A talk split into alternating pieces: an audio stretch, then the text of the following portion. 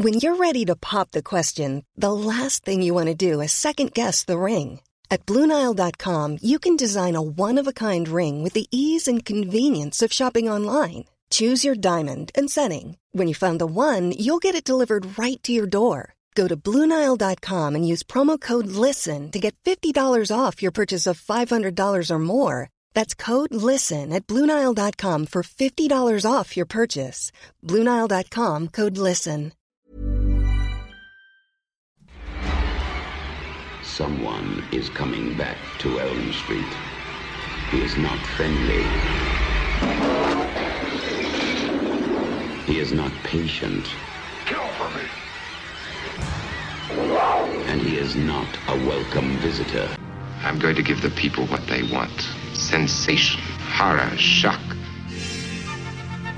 Send them out in the streets to tell their friends how wonderful it is to be scared to death. Välkommen till Skräckfilmscirkeln. Idag ska vi gräva oss djupare än en rädd katt under en kudde och prata om en film som till och med Freddy Krüger får mardrömmar av. Idag ska vi presentera en sanning. Men vågar vi ta en powernap? Jag menar, att somna är ju som att bjuda in Freddy till en VIP-fest i ditt eget huvud. Så jag hoppas ni har hällt upp rejält med kaffe och har tuggat i er ett par extra koffeintabletter. Men hur ska vi hålla oss säkra i drömmarna? Det här har jag tänkt på. Kan det involvera en drömfångare? Eller kanske en väckarklocka som spelar Justin Bieber en gång i timmen? Så, gör er redo kära lyssnare för en upplevelse som är lika skrämmande som rolig. Och sätt på er era mest säkra pyjamasar och se till att dörrarna är låsta. Fredrik, har du sovit sen förra gången vi spelade in om eh, Nightmare på Elm Street? Eller jag kanske ska säga, har du sovit själv? Jag ska säga. Never sleep again. alltså just i den här så vi kommer ju komma in på det att det är lite sak samma om du sover eller inte. Han kommer ju åt dig i alla fall i den här filmen. Så ja, i, i och för sig. Det är ju sant. ja, men eh, jag ska säga innan vi fortsätter med någonting annat så äh, har jag en sak att säga. Jag kanske är dum men jag är inte korkad. Hej Matti från podcasten Film till fikat. Hej. Har du sovit ordentligt i natt? Eh, jag sov ganska bra faktiskt. Var du ensam i drömmarna? Eh, vanligtvis så sover jag inte så bra. Så när jag väl sover bra så drömmer jag inte. Så det är ganska bra. My God. Då kommer du ner i REM-sömnen ordentligt. Nej, den är farlig. Det är där du är uppe i varv och tittar på honom rakt i ögonen. Det är, då, det är, därför, ja. det är där Fredde ligger och lurar. Mm. Det är det. man säger. Ja, där vill jag hålla mig ifrån med honom kan jag säga. ja. Annars kanske frugan blir lite svartsjuk också. Ja. Har du en affär med Freddy Krueger? Om hon nu skulle vara orolig så kan jag lugna henne med att han är inte min typ. Nej, han, han är väldigt få typer skulle jag tro, men det hindrar inte honom. ja, men alltså, man brukar ju säga man ska ju inte gå på utsidan. Hans utsida är ju inte jättefräsch. Nej, förvisso. Men jag tänker att säga att hans insida inte heller så fräsch. Jag skulle nästan säga att den är värre. ja. Eller jag kan skippa nästan tror jag. Vi kan ju börja med de här 20 barnen, pedofilin och... Mm. Ja. Hur man inleder det mest deprimerande avsnittet på ett tag. Det mest deprimerande och gay avsnittet på ett bra tag kanske vi ska säga. Vilket inte går ihop alls. Nej. Nej, exakt. Och Fredrik, hur, eh, hur lever livet för dig? Ja men det är bra, jag är lite trött här. Jag har hjälpt min syrra att eh, flytta här så det har burits möbler upp och ner här så nu är man lite lagom mör i kroppen. Utöver det så eh, är det väl bra. Eh, jag kommer väl sova som en klubbad säl i, ikväll här så Freddy har inga problem att ta mig när jag ligger och sover. Jag kommer inte undan. Nej. Jag har faktiskt också flyttat. Eller jag har inte flyttat men jag har hjälpt eh, en släkting att avverka en hel butik mm. på 350 kvadrat. Så det var en del grejer att bära undan. Ja. Så 12 timmar i sträck höll vi på i lördag så vi var inte ens halvvägs. Kära någon. Ja, så är det ibland. Men eh, i vanlig ordning då tänkte jag vi skulle prata om något vi har sett. Eh, den senaste tiden säger jag. Eh, Matti, jag tänkte du får börja. Ja, jag, alltså... Ja, de senaste filmerna jag sett ska jag inte gå in på för det är Star Wars. Men eh, jag såg Banshees of Inisherin för inte så länge sedan. Inte så mycket skräckfilm dock, men den har... Eh, vi kan väl kalla det tokigheter och avklippta fingrar i alla fall. Alltid något. Ja. eh, med eh, vad heter han? Brendan Gleeson och Colin Farrell. Som bor på en liten ö under inbördeskriget på Irland. Måste det vara. Eh, som är väldigt mörk komedi. Så pass mörk att den på sina ställen inte skulle räknas som komedi skulle jag nästan säga. Kära Dan. Men just Banshee, för det brukar ju vara ett sånt där klassiskt uh, spökelig monster. Men Ja. finns det någon eh, Banshee med här? Nej, Nej. Det, det roliga är att de säger specifikt att det inte finns några Banshees på Inisherin. Eh, för det, Banshees of Inisherin är namnet på en sång som Jaha. skapas i filmen. Ja, se där, se Och då säger han ju, men det finns ju inga Banshees på Inisherin. Nej, det är därför den heter så. Ja, Men den, den är, jag tyckte den vann ju, var det Oscar för bästa manus oh, se där ja. Eh, och de två har jag inte sett ihop sen In Bruges, vilket också är en helt fantastisk film. Men In och Bru- deras... Ja, Ja, den älskar jag. Eh, Rafe Fiennes där som Mm. ja, eh, råkar skjuta vad han tror är ett barn i slutet. ja han är där. principfast får man ändå Han säga. är väldigt principfast. Eh, nej, men deras kemi är helt fantastisk.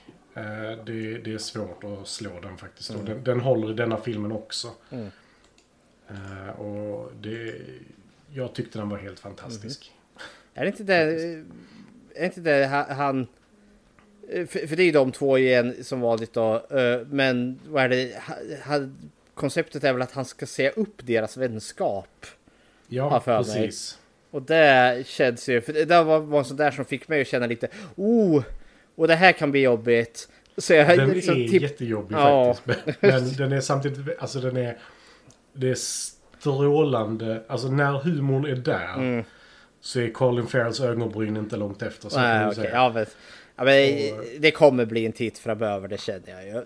Mm. Men jag kan säga, när jag såg den så Ulf rekommenderade den också från Filmtrafiket. Han rekommenderade den så här superstarkt. Och vi såg den tillsammans med Karin, Mm. hennes syster och hennes man då. Och de eh, såg, var ju inte kanske lika sugna på att se hela filmen. Nej. Men de tyckte den var bra. Men eh, sen så var de också väldigt trötta. Så vi såg klart den dagen efter istället. Men eh, de- den var enligt mig strålande och förtjänade varje eh, rö- röst den fick. Mhm. Om man säger så. Ja, Men om en film kniper en Oscar då är det i regel alltid ett signum för att det finns lite kvalitet där ändå. Ja, jag är dock inte helt säker på om den faktiskt fick den eller om den bara Nej. var nominerad. Ja, ja, ja. Den, den var där uppe i alla fall. Awesome. Mm. Jaha, Patrik då? Vad har du sett? Jag har faktiskt inte sett någonting. Du- Eh, nu, ja, jo, jag har, lite har jag faktiskt sett. Jag har kollat på en eh, YouTube-kanal som heter Trilogy Media. De, är, eh, de utreder eh, bedrägerier ifrån... Eh, ja, mycket av det är i de här callcentren i Indien och Pakistan. Men det finns ju faktiskt de här eh, romance scams som är, de är ofta i Nigeria eller eh, Malta eller något sånt där eh, land. Och de sitter då och gör det över telefon och lurar ensamma tanter på att skicka pengar för att man måste ko- komma med flyget hem. Och så här, ri- riktigt dumt. Och nu har de ibland så gör de såna här eh, pranks. Så nu senaste videon jag såg, den var nästan tre och en halv timme lång. Då hade de eh, hyrt en Airbnb och så lurar de dit eh, eh, money mules, alltså pengaupphämtare. För du kan ju inte sätta över pengarna på ett bankkonto direkt. Utan då kommer det någon snubbe och hämtar eh, kontanter. Då pratar vi 70-80 tusen dollar här. Mm. Och då satte de upp ett eh, stinghouse kan man väl kalla det. Eller ett, de hyrde en Airbnb och så Eh, I den så hade de köpt in en begravningskista och en nunneutklädningsdräkt. Så att gubben som eh, bedragarna trodde var skyldig pengar, han, var i, han la dem i en kista. Det var så en, en av killarna där med gummimask. Han la sig i kistan. Och så den andra han klädde ut sig till nunna. Och när de kom och skulle hämta pengarna då sa han Ja ah, kom de är, de är här inne. Och då hittade de ju honom död. Då, inom citationstecken. Så de här stackarna de helt bleka och sen bara springer därifrån och skippar pengarna. Ja. Frågan är om de moneymulesen, hur mycket de vet också. De, de, eh, ofta så blir de kontaktade via Facebook, Telegram, WhatsApp och säger bara hej kan du hämta ett paket åt mig? Du får ja. 500 dollar. Liksom. Så då får ju mellanhanden skiten. ja precis, det är ju det. Det är ju det är, där, det är, det är de, de som åker fast först. Mm. Och, men de här de är riktigt, eh, eh, ska man säga, påhittiga. De startar ett företag inom det till och med. Och när de inte jagar bedragare på nätet så jagar de pedofiler tillsammans med en annan YouTube-kanal. Och mm. också så här jättelångt arbete. De lurar... Eh, en av dem utger sig för att vara en 13-årig tjej och lurar dit dem. Jag vet inte om ni har sett Dateline någon gång? Ja, jag känner till. Det. Mm, det är precis samma princip. Bara att det här är YouTubers som gör det. Men, och, och det är det som får min varningsflagga att gå igång. YouTubers. Mm. För Dateline, det vet jag ju ändå så det, det, det, är ju samarbete med den lokala polisstationen som finns där. Liksom det, mm. det är äkta vara. När det kommer till Youtubes och Youtubes dokumentärer då blir jag alltid så här, mhm, okej. Okay. Fast det, det, här är, det här är äkta. De har till och med eh, polisen på, inte på standby, men de uh, har alltid kontakt med någon där. Ja, jo, men jag, jag är superparanoid i YouTube-träsket för jag har sett en mm. sån där också så här, Karen videos när eh, liksom en Ja men de är ju fan påhittade. Ja nej men en Karen blir gripen av en polis och, och då är det så uppenbart. Det här känns stageat från början till slut. Ja. Jag har varit mm. lite så här. Ja. Prankar bluffmakaren med någon död nunna i en kista.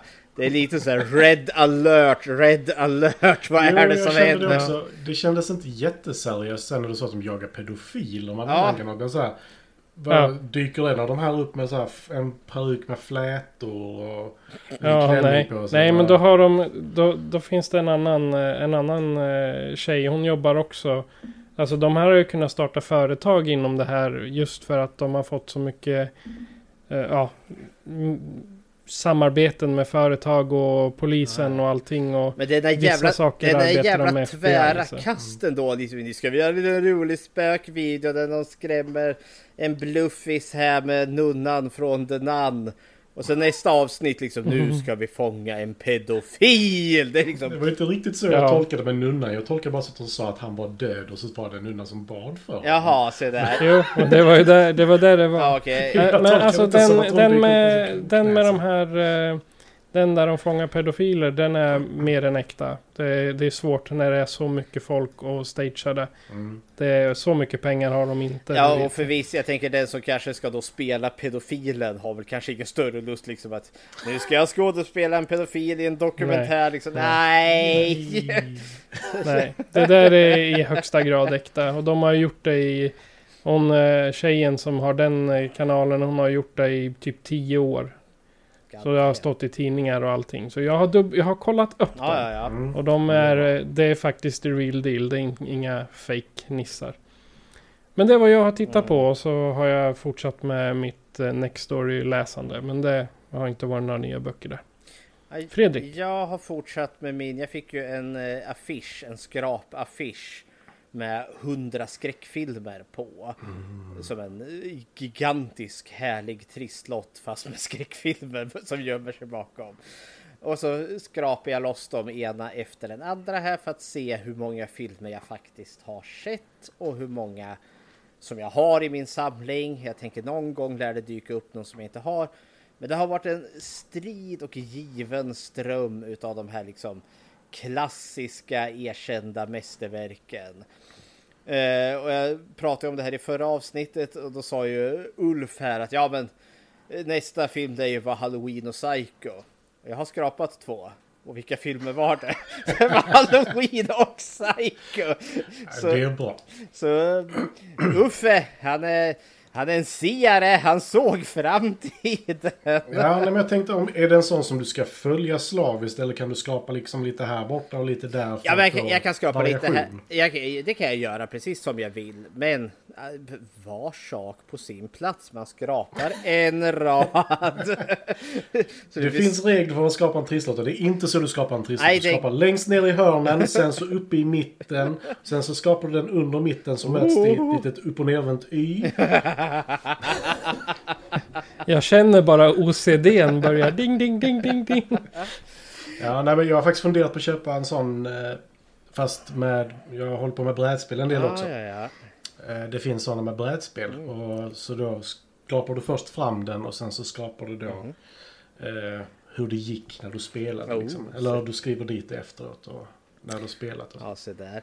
Ja, nej, men så- jag, jag kör ju liksom, jag, jag ser ju om de här och det det är, det- de är klassiker av en anledning. Det är goa jäkla filmer. Eh, älskar Halloween. Eh, Slasher-filmerna är ju eh, my to go. Och jag älskar att den är så låg budget. Men de är inte i där de påstår sig vara. De där palmträden som dyker upp där. Och det känns så här man har en bakgrundsfaktor. Vilka sprang runt med en handfull löv de hade. Ja, det, det var ju inte många heller. Det är det som är så sorgligt. De sopade upp dem hela tiden för de hade så få. Det, var så här, alltså, det kan ju inte varit deras största budgetfråga Nej. egentligen. Men tydligen var det det. Ja, kära Dan. Ja, bra skit. Ja, eh, idag så har vi ju problem att sova, höll jag på att säga. Eller vi kanske inte skulle ha sova som det är nu med tanke på att vi har en herre som hemsöker våra drömmar. Vi ska prata om Nightmare on Elm Street 2, Freddy's Revenge. Och jag och Fredrik pratade ju förra gången om hur vi kom i kontakt med Nightmare-filmerna först. Så jag frågar Matti. Vad eh, är din origin när det gäller eh, Nightmare on Elm Street? Eh, alldeles, alldeles för ung och för oskyldig. Åh, skulle jag säga. Eh, min bror är fem år äldre än mig. Mm. Och eh, varannan helg bodde vi hos min pappa Mm. och hans fru. Och eh, hon hade barn sedan tidigare som också var fem år äldre och gick i min brors klass. Eh, så jag var nog, vad kan jag vara, sju eller åtta tror jag. Oj. Första gången jag såg Det, Nightmare on Elm Street och Chucky eller... Onda eh, dockan. dockan. eh, så det var inte så gammalt. Nej. Och då kan jag säga att dagens ungdom har ju en annan uppfattning om vad som är lite äckligt och sådär än vad man har, hade då. Och jag kan säga att Freddy Krueger lämnar sina spår. För eh, jag såg Robert Englund på sci-fi-mässan för några år sedan. Och jag verkligen ryckte till. Alltså jag bara såg en så här ögonvrån och så bara shit. Och så såg jag honom sitta och le där inne och så bara åh nej. Du gick inte fram och fick en autograf av han sen?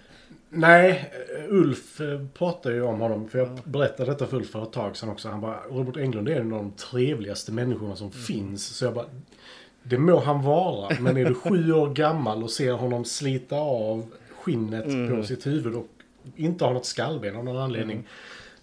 Så är man inte så kaxig liksom. Man är ju inte det.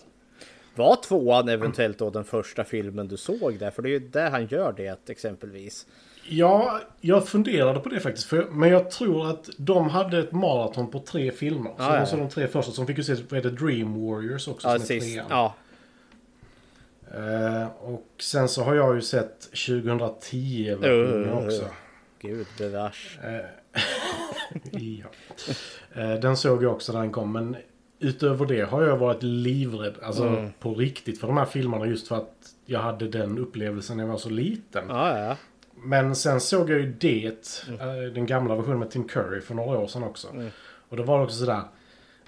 Det är ganska lugnt nu när jag Mm. sett det igen i vuxen ålder. Men annars, då, alltså jag är livrädd för clowner liksom tills jag var 20. Med all rätt i och för sig. Men, Ja, men det är också, jag tycker det är lite kul för jag var inte så ung när jag såg terrorfilmerna för första gången. Jag var väl lite mer, ja, men jag tror jag var 13-14 där någonstans. Det är mer rimlig ålder. Men jag vet att det såg jag mycket yngre. Eh, eller ja, mycket, jag kanske var 10-11 där någonstans. Men, eh, och sen har jag ju sett om det som vuxen och det, är- det är ju inte alls samma sak. Det är mest nostalgi. Men shit, när man var liksom typ 10 år och såg Tim Curry där i brunnslocket. Uh, det var brutalt läskigt ändå. ja, men det är någonting speciellt med ögonen. För jag lade märke, alltså det tänkte jag på när jag såg denna nu igen. Liksom att de här gula ögonen. Den här ondskan som ligger bakom. Och Ja, Hans röst då när man var liten också. Det här mörka, alltså onaturligt mörka liksom. ja kära värld. Ja, men så du, du har varit traumatiserad utav terrorn. Ja men lite så får jag nog erkänna. För Han, han har satt sina spår. Men nu känns det lite bättre måste jag erkänna. ja. Du har inte sett de övriga, alltså plöjt hela franchisen? Eh, Jag såg ju de tre då. Sen hade vi... Vi såg mycket slasherfilmer i gymnasiet. Men ärligt talat så hoppade jag över där. Jag såg... Jag tror jag såg femman. tror jag det var. Ja, när barn. Och det är ju inte riktigt den värsta. Nej, det är ju inte så. Eller kanske den värsta, men inte på det sättet. Ja, det, ja, det har vi remaken. Den har satt ribban så lågt så Ja, att den den kommer fanns in. inte då. Nej, den gjorde ju inte det. Nej, men eh, där, vi såg ju alla Halloween-filmerna. Det var precis i den här Japan-vågen också. Så vi såg enormt my, mycket asiatisk skräck också. Eh, koreansk, japansk, alltså allt sånt. Ja, och på tal om att säga Japan där. Eh, det är något värt att youtuba ändå. Robert Englund som Freddy Krueger i någon japansk, eh, vad heter det, game show. Game show. Ja, wow! Wow! Det måste vara Takeshis Castle eller något sånt där. Ja, något sånt där. För det, det var ju där 80, slutet på 80-talet, början Ja. på 90-talet. Eh, Han kommer in där i, i Freddy makeup men han har inga byxor på sig, han har underkläder.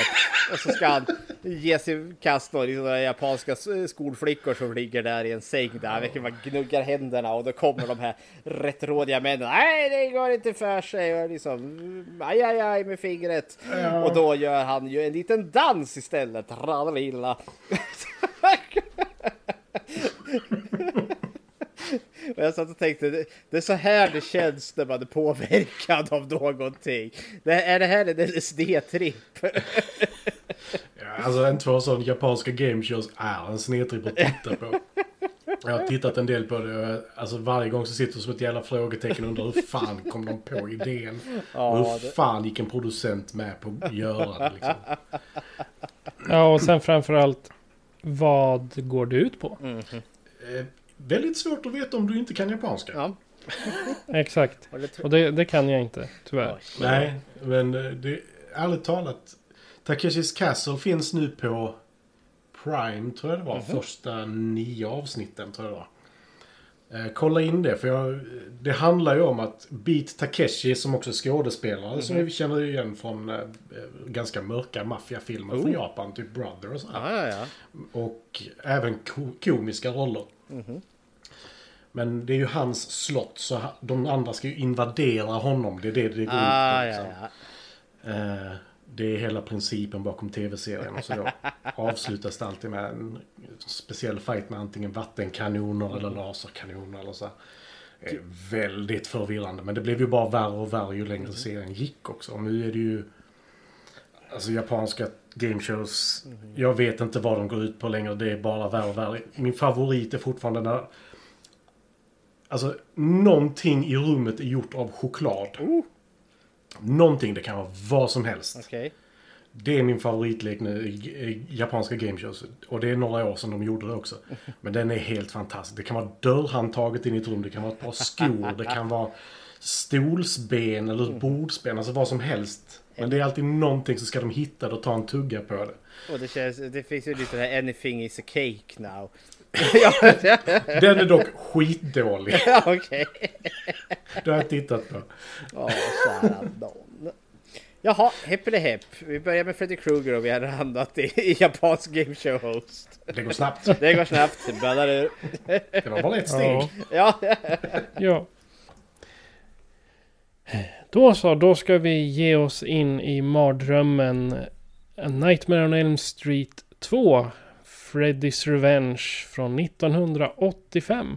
Och vi inleder med en trailer som kommer här. Someone is coming back to Elm Street.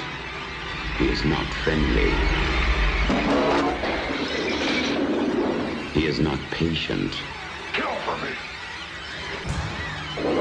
And he is not a welcome visitor. But he has something terribly special for the new kid on the block. It started to happen again. Dad! I'm in trouble. You've had some scary dreams, okay? Help! Daddy can't help you now. There's something inside of me. Fight him! You're not afraid of him. He doesn't even exist. Freddy Krueger is back on Elm Street. Watch out for him.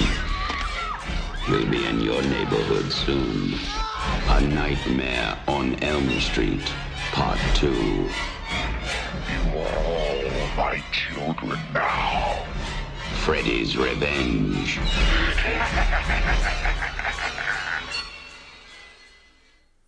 En ny familj flyttar in i huset på Elm Street och snart har barnen återigen mardrömmar av den avlidne barnamördaren Freddy Krueger. Den här gången försöker Freddy besätta en tonårspojke för att orsaka förödelse i den verkliga världen och kan bara övervinnas om pojkens flickvän kan bemästra sin rädsla. Det är plotten till Terror på Elm Street 2 eller A Nightmare on Elm Street Freddy's Revenge. Så Freddy är tillbaka och eh, vill ha hämnd. Vad eh, tycker du om det Fredrik? ja vad, vad är det han ska ha hämnd på egentligen? Ja, det undrar jag med. Det är väldigt Lyset. otydligt i den här filmen. ja, det... eh, Men lite första initiala tankar här kring Nightmare 2. Det här, jag har ju sett hela franchisen. Jag var ju så jag växte ju upp på en stadig diet av de här skräckfilmerna. Eh, och franchiserna var ju alltid eh, guldgodis. Liksom Halloween, Terrorn, Hellraiser, Fredagen. Men terrorn har ju alltid varit den, liksom, den speciella i den här genren. För att, ja men som fredagen och halloween, de bygger ju på ett hiskligt jävla kill count. Eh, medans terrorn har aldrig riktigt gjort det. Alltså han, han får sina mord. Men de har i regel mer varit enormt mycket mer fantasifulla och spektakulära. Och de senare installationerna är ju ganska humoristiska också. Och jag såg de här inte liksom i direkt alltså, kronologisk ordning utan jag såg dem lite vart efter jag kunde komma över dem back in the days. Men jag vet att när jag ramlade över tvåan första gången så slog det mig att det här kändes annorlunda även för terrorn på Elm Street. Och jag genuint till en början faktiskt inte uppskattade det alls. Eh, jag hade väl sett Dream Warrior innan och den är ju mycket mer fantasifull. Och så, nej, så, så den här kom jag under den längsta tid kanske till, till och med liksom att tycka, men det här var den sämsta i serien. Och det fick jag mycket medhåll när jag var inne på back in the days internet på Alta Vista när jag får runt där. Att liksom, nej men tvåan är i särklass den sämsta. Men sen har jag gjort mig en liten resa här kan jag avslöja. Men ja, mina initiala tankar till Terrorn 2 här. Matti då? Eh, vad ska man säga? När jag tittade på den så kom jag ihåg scen för scen för scen. Eh, för detta är den jag kommer ihåg absolut bäst. Kan jag säga. Eh, på rak arm, det enda jag kommer ihåg från ettan är ju introt när de sjunger det här One, two, Freddy's coming for you. Eh, och så här. Men den här, för varje scen jag såg så bara just det, den börjar så här med skolbussen. Och så såg man Robert Englund kör bussen och bara så här, just det, detta kommer hända nu. Fu Manchusen på köksbordet. Alltså, eh, jag kommer ihåg väldigt mycket från denna, alltså under tiden jag såg det, om man säger så. Det är svårt att förklara, men... Men eh, initiala tankar var ju... Eh, egentligen första mordet tänkte jag att det kanske är drömvärlden. Men så jag tänkte så, men sen för där är, det känns inte riktigt det här röda ljuset i gymnastiksalen och hur gympaläraren reagerar och sådana saker. Men eh, initiala tankar, inte så skrämmande som jag kommer ihåg kan jag väl säga. Men som sagt, denna känns också fel för det är inte detta du förknippar Freddy Krueger med. Nej. De ändrar ju mytologin ganska rejält här. Ja, och det hade funkat om de hade fortsatt med det.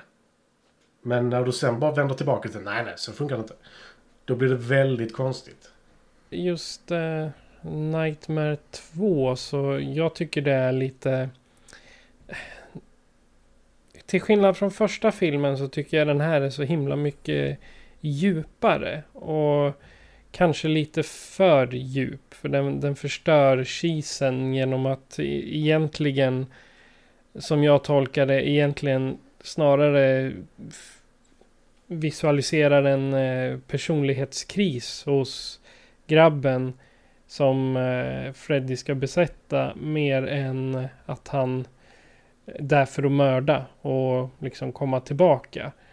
Så jag menar, skillnaden mellan ettan och tvåan är ju att mycket av magi från den första filmen med all eld och skrikande blodfontäner och sånt där, det försvinner ju liksom lite mera.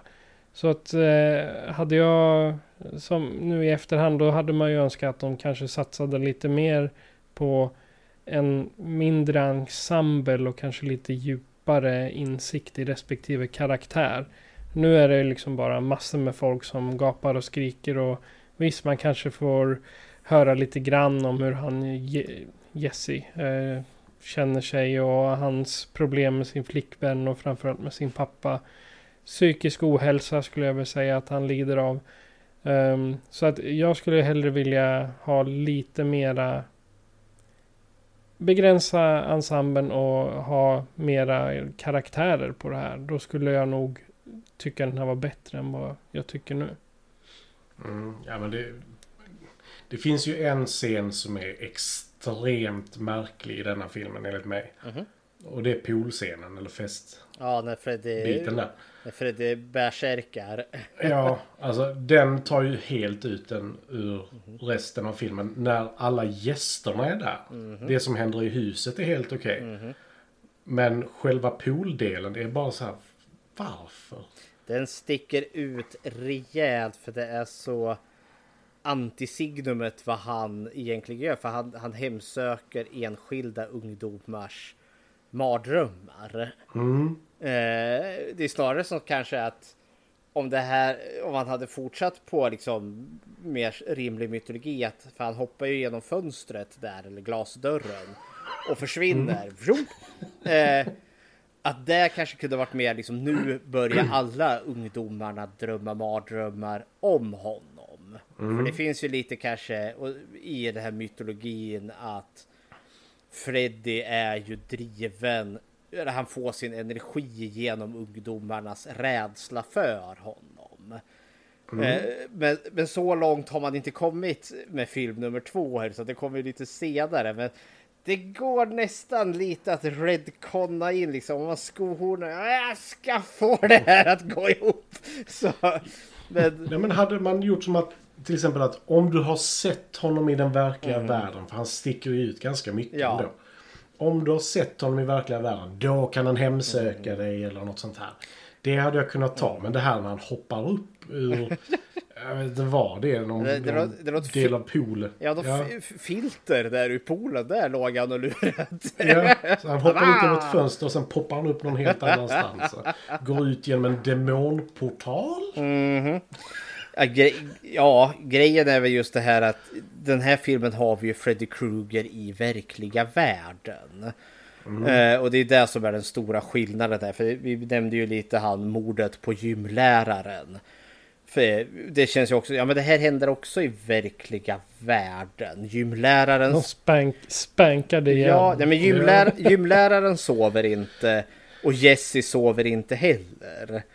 Nej, Och alla i poolen sover inte. Nej. Så det, Nej, och jag, det med läraren, alltså hela den... Det, det är ju flera scener, Mhm. men hela den biten hade passat mycket, mycket bättre som en dröm. Mhm. Ja. För att... Ja. Ja, men, och, de bygger ju inte upp det, för det hade kanske varit bättre om Jesse, nu är vi just på den specifika scenen, Jesse ligger och sover. Och sen följer vi och sen kanske, och sen att han, vi får hela den här scenen, han går på gayklubben. Eh, Våran bondage eh, tränare dyker upp där, coach Snyder. Eh, och sen hamnar du i duschen och så blir han ju spankad så det står härliga till och sen dör han. Och sen vaknar Jesse i sängen igen. Okej. Och sen kommer han då liksom till skolan och då är Schneider död. Ja, Okej, då har vi mer logik. Men så är det ju inte, utan han blir ju upplockad av två poliser där som levererar honom. Så då har vi förstått, för han har sprungit naken någonstans där ute. Så då tar, Ja, längs motorvägen. Ja, och då har jag ju tolkat att ja, men då har ju allting hänt. Han har varit på gayklubben, han har träffat Schneider, Schneider har tvingat honom till gympasalen. Allt har ju hänt i verkliga livet. Så, ja. Eh, nu har vi ju inte Ulf med oss Nej, här. vi har ju inte det. Men låt säga att Ulf skulle vara på en gayklubb Mm. och en elev stöter på honom där. Jag tror inte att han skulle göra så som coach Snyder gör. Ja, vi, vi, fan, vi, vi hugger med coach Snyder här. Dels, jag skrev upp här att eh, innan han the, the balls hit the walls eller the ball hit the young teacher där, som också känns som att ja, det, det, är det lite in your window där. Men innan, för han har ju tvingat Jesse att springa runt där och liksom hit the shower. Och så står ju Jesse... Wrong, wrong, wrong, wrong. Ja, men, Jag har en, en rättning. Uh, Jesse går ju faktiskt i sömnen. När han eh, springer ut på, på vägen. Men Eh, samtidigt... han, går i sömn, han går i sömnen under mordet. Sen vaknar han i duschen. Och ser eh, handsken. Ja, men samtidigt filmen ger inga sådana hintar så att liksom ska kunna förstå Nej. det. Utan han sover ju alltid dåligt Nej. och vi har ingenting där Jesse springer omkring eh, och så går Nej, man, har ju, man har ingen bild på det. Nej, och vi, vi, inte, vi etablerar ju inte heller att Jesse går i sömnen någon gång heller under den här eh, Nej, filmen. sant. Så eh, nej, men det jag skulle fara med med Snyder där att eh, när Jesse är i duschen då plockar han fram ett par hopprep. Som han liksom verkligen liksom betänksamt liksom lyfter, liksom lägger fram det. Och, och, jag, och det har jag inte riktigt tänkt på innan först jag såg den här gången. Men nu satt jag och tänkte. Är det en stundande våldtäkt på, Je- eh, på Jesse på gång här? Snyder kommer att binda upp honom och förgripa sig på honom. För, att, eh, för det känns inte orimligt med hur Schneider har betett sig innan att det här är en man som inte har rent mjöl i påsen som gärna nog går igång på att limma på en, ja, ja, sina egna studenter och gärna någon som kanske är då lite mer vek och undergiven eh, som Jesse är då. Det, det triggar hans eh, våldtäktskink. Fast är Frågan är om han... Eh, alltså frågan är om inte Freddy då tänker att ja, men jag ska straffa honom. Det var så här, alltså, nu vet jag att det inte är så men jag hade det i tanken eh, för, första gången jag såg filmen. Ja men Freddy är snäll. Han straffar en pedofil. Ja. Eller? Freddy är inte snäll. Men Freddy gör ju också det här för att jävlas väldigt mycket med Jesse. Nej, men, Jesse där då, du frågar ju mig att det, hur, hur undergiven är han egentligen? Eh, ska vi snurra in lite på våran eh, final boy här? Han är en queen i sig själv också. så- Jajamensan. ja, men han är ju... Det, det är här som kanske också gör den här, som jag uppskattar nu mycket mera. Eh, när det kommer till skräckfilmer överlag och 80-talets skräckfilmer framför allt. Som nästan har satt, eh, vad heter det, mallen för framtida skräckfilmer. Då är det ju kvinnor vi har i huvudrollen. Alla jäkla franchises så är det en kvinna som besegrar alltså the big bad i, uteslutande. Där fick ju den här filmen också att sticka ut att vi har då en, en pojke, en kille i huvudroll. Eh, och som får spela lite vad som är då den klassiska final girl-tråpen. Eh, att liksom, ja men jag, jag, jag är rädd, jag är lite härjad, jag springer i underkläder. eh, som i regel, alltså som oftast en, en kvinna får göra i de här uh, filmerna. Vil, vilket tror jag var en sån första som liksom fick det att liksom snurra till i mitt huvud. Så, här, så här ska det inte vara. Eh, Jag är inte van vid det här. I don't like change. I don't like change. Vilket jag uppskattar nu mycket mera just att vi ändå har en kille som får spela skräck, alltså eh, rädd rätt och slätt. För allt som oftast är män i hjälteroll eller skurkroll. Vi har liksom antingen liksom har vi Eh, eh, liksom the, the, the butch guy som kommer liksom slå skurken på käften eller så är han mobbaren. Men här har vi liksom en till synes känsligare kille. Eh, det som irriterar mig är att han inte får göra det hela Final Girl stråket. Alltså för en Final Girl är terroriserad och är rädd. Men i slutändan vänder hon på steken och besegrar monstret. Och det gör ju inte Jesse i den här. Ja, ja, till viss del gör han väl det, men det... Ja, för den, enda, alltså ska man säga ungdomliga killen kan vi Mm. väl säga. Som egentligen kör den här Butch hjältesnubben. Mm. Det är ju Grady. ja. För den andra killen som ger sig på Freddy på poolpartyt. Mhm. Han är ju inte aggressiv. Utan Nej. han går fram och säger vi måste prata om det här. Och du, du behöver inte bete dig så här. Lugna dig och så här. Och Freddy bara går fram och ja ja. Fuck Går, you. går du närmare mig? Fuck you, så klorna. Fuck you, here's a claw. Ja, ja, men, men- Grady, han är ju lite mer alltså den här klassiska ungdomskillen i de här typerna utav filmer. Och de överlever aldrig och spoiler alert gör inte Grady heller. Men det är väl liksom, ja, det är lite vad killarna är relegerade till i sådana här typer av filmer. Och så har vi då en kille mer i en, inom situationstecken, roll som en, som en kvinna brukar spela. Eh, jag uppskattar det väldigt mycket nu. Jag, jag tycker det, det, det är för kvinnodominerat i skräckfilm. Vart är mina män? Nej, men, nej, men, bara ut. Ja, ut, ut med er. ut med det bara.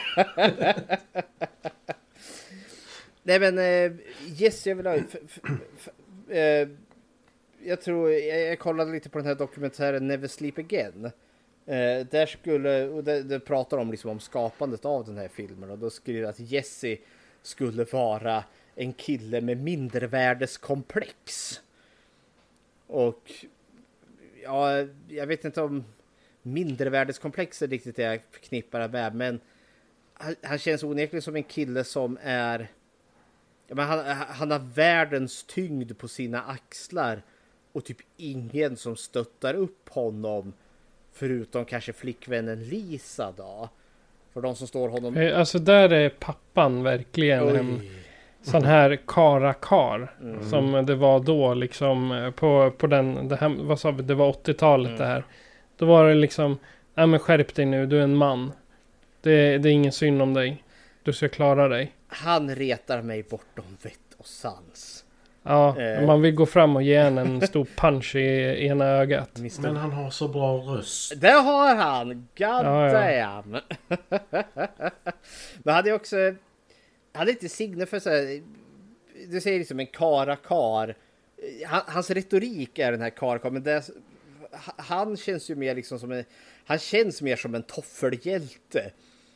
Egentligen, för det, det, det är ju inte en man liksom som är ute och står i boxningsringen direkt, utan det är så en man som jag ser liksom har knähöga strumpor och tofflor. Men han kändes ju mer som någon som hade mindervärdeskomplex. Mm. Som det här när frun säger till honom att liksom, han behöver nog en läkare och Mm. han står uppe och skruvar av de här gallerna på fönstren. Mhm. Och sen håller han på att trilla ner från stegen. Så Ja. fort de går därifrån. Ja, för han är ju ganska klam, klumpig egentligen. Han slår huvudet i, i, spi, eller i spisfläkten vid något tillfälle. Så bang, aj vad fan. Eh, Jo men det känns som att han behöver hävda sig mer Mm. än vad Jesse behöver hävda sig. För enda gången Jesse faktiskt hävdar sig. Mhm. Det är ju när han och Grady blir vänner. Mhm. Vilket är i princip första gången de träffas. Mhm. Ja, för då är Det kan ju... Nej, den så kan, för det har också haft, vi har haft en liten tassel där innan. Där, där Grady eh, dundrar fram, drar ner han byxorna så vi får... Det, det första naket vi får i hela den här franchisen. Det är då man butts som vi får se. Great ass. Great ass. Grady ass. Ja, nej det blir ju inte Grady ass, det blir Jesse ass. Jesse men ass. Grady som Ja, gjorde yes yes. Eh, Grady, Yes ass. Grady grab that ass. Nej men och sen...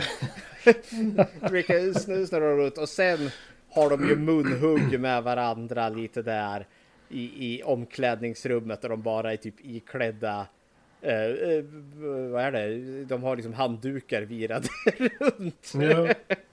Och han, eh, Grady, han är ju den här mer vältränade. Eh, ha- ha- han är ju mer the eye candy. Medan stackars Jesse där är ju liksom lite mer, ja men det, det, det, det är lite love handles där, men det, det är trivsamt det också. Eh, More pushing for the cushion. Ja. Nej, han är ju definitivt inte tjock skulle jag ju inte gud, säga. Nej, nej, nej, det är han inte. Han är inte så vältränad som Grady är heller. Nej, Grady har ju, han är ju mer skulpterad om vi säger så. Eh, mhm. Och det tänker... Inte lika bra som i Poseidon Rex när du Nej. och Linda dreglade dock. Ja, men gudars skymning. Där dreglar jag och Linda i kapp till alla möjliga... alltså, jag, jag skrattade högt när jag lyssnade på det avsnittet. Just det här. Mm. Mums. Säger Matti och tar en whisky. Jag måste... Det är rom i och för sig. Jag, Grady då? Vad tycker ni om den karaktären? mycket mat. Mycket mat. Ja, det tror jag också. Tre paket eh, mjölk hade han ju där. Tre paket mjölk och varje replik han säger i den scenen har han munnen full av pommes är det väl? Där. Och Jajamensan. han stoppar bara in mer och fortsätter att prata. Han, han sväljer aldrig. Nej. Men han är, han är den här typen som, han pratar med maten i munnen och sen är han tyst när han inte har någon mat i munnen. och han verkar vara en sån här som, eh, i alla fall som ung så var han en väldigt eh, så här, ta av sig i kläderna. För jag vet inte, han eh, gör samma sak i Drömtjejen. Jaha, så där. Filmen alltså. Där drar han också ner brallorna. Oh. Och han var ju inte gammal då. Han är född... Eh, kommer inte ihåg när han är född bara. Jag läste det alldeles nyss. Han är ju född 65 och Drömtjejen är väl från eh, 70-talen någon gång om jag inte har helt fel. 85. Så han är... Ja, då var han inte så... Då var han 20. Men han ser mycket yngre ut. Ja. Eh, Grady... Egentligen hade jag kanske önskat lite mer utav den här vänskapsrelationen.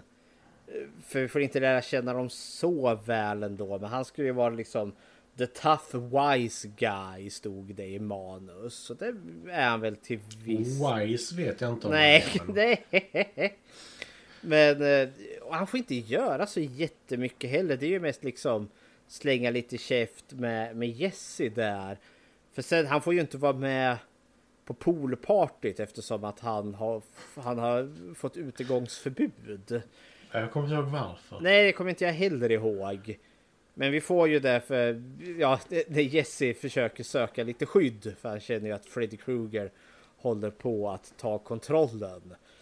Eh, och då hör det ju till att han, Jesse och Lisa har ju, höll ju på att gå från second base till third base där.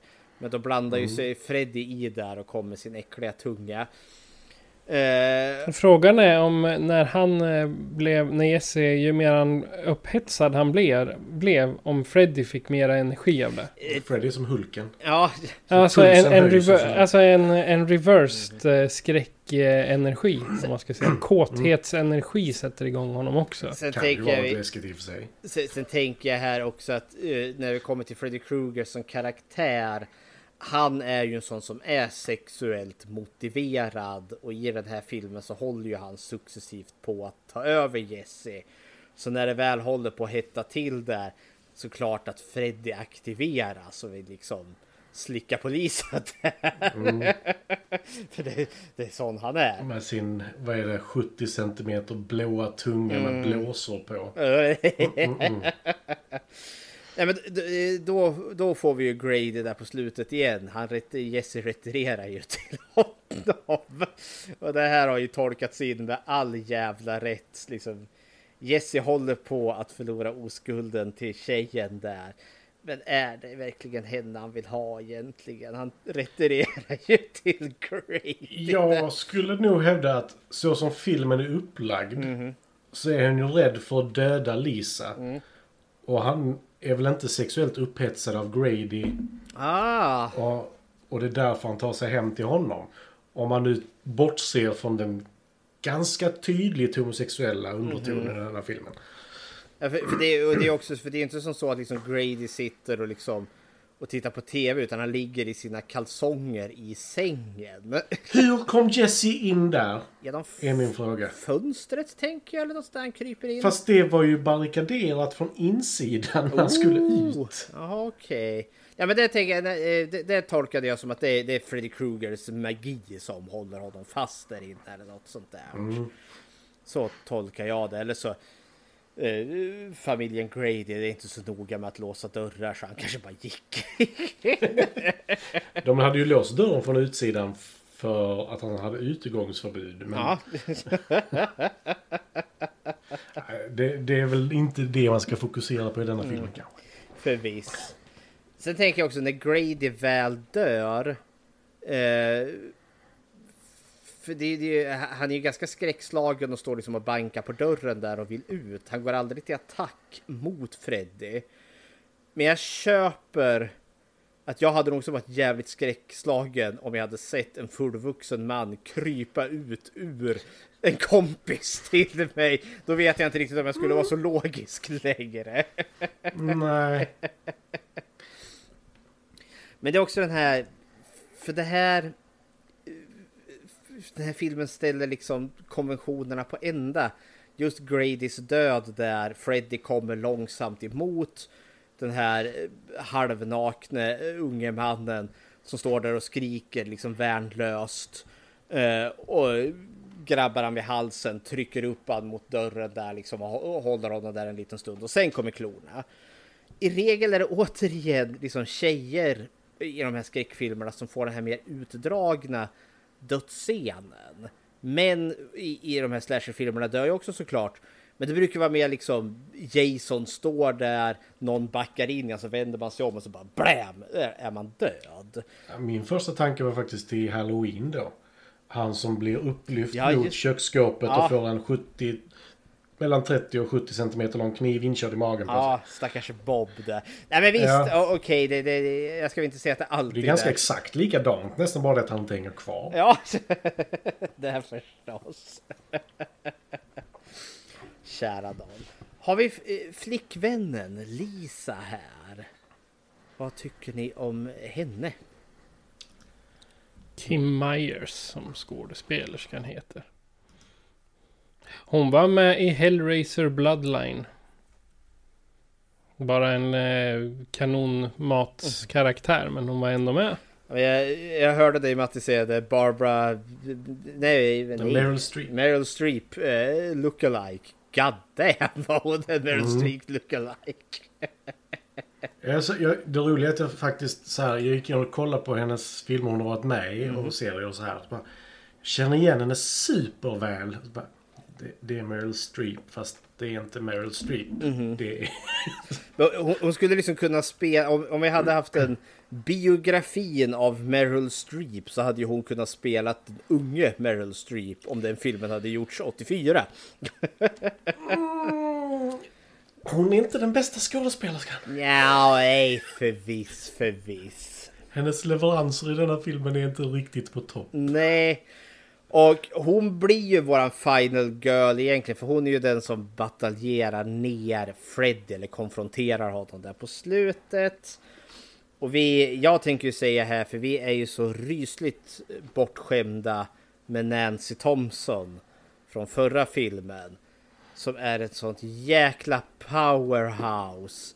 Som bokstavligen tar släggan till fanskapet själv. Men så badass är hon inte. Det här känns som hon... Hon har den istället. Men visserligen, hon, hon använder ju egentligen the power of love och, och reasoning för att konfrontera honom. Men det gick ju inte att stabba honom med kniven. Det gjorde ju faktiskt inte det. Att, Nej. fast det kommer sen. Han börjar ju blöda sen när hon... Sticks and stones may break my bones but words hurt forever. Åh! Och jag vet att ni, ni snackar ju om vinnare och förlorare hela tiden. Mhm. Då kan jag glädja er att Mark Patton faktiskt har varit med i Star Trek. My Fast God. The Next Generation. Ja, ja, ja, men det är, det är det som good ass shit. Då har han varit Ska i... vi se. Första avsnittet i säsong två. Ja. I ett avsnitt som heter The Child. Child, minsann, minsann. Det tycker vi om. Eh, supervinnare. Men... Eh, jag ska villigt erkänna. Jag, jag, jag tycker hon är ganska trivsam, men ganska bland. Eh, kanske inte den bästa skådisen. Eh, men efter...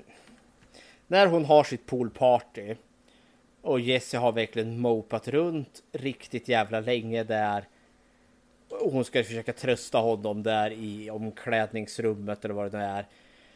Där kände jag liksom, mm, girl, let him go. Nu har han liksom...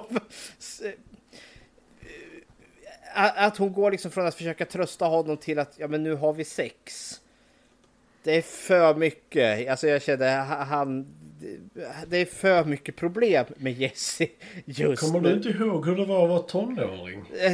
Eh, Ja, ja, nej förvis, men Don't put your dick in crazy brukar man ju säga. Och jag skulle väl säga i hennes fall Don't let crazy put, i, put his dick in you. Det är väl lite det jag känner. Omslut inte det i alla fall. Nej.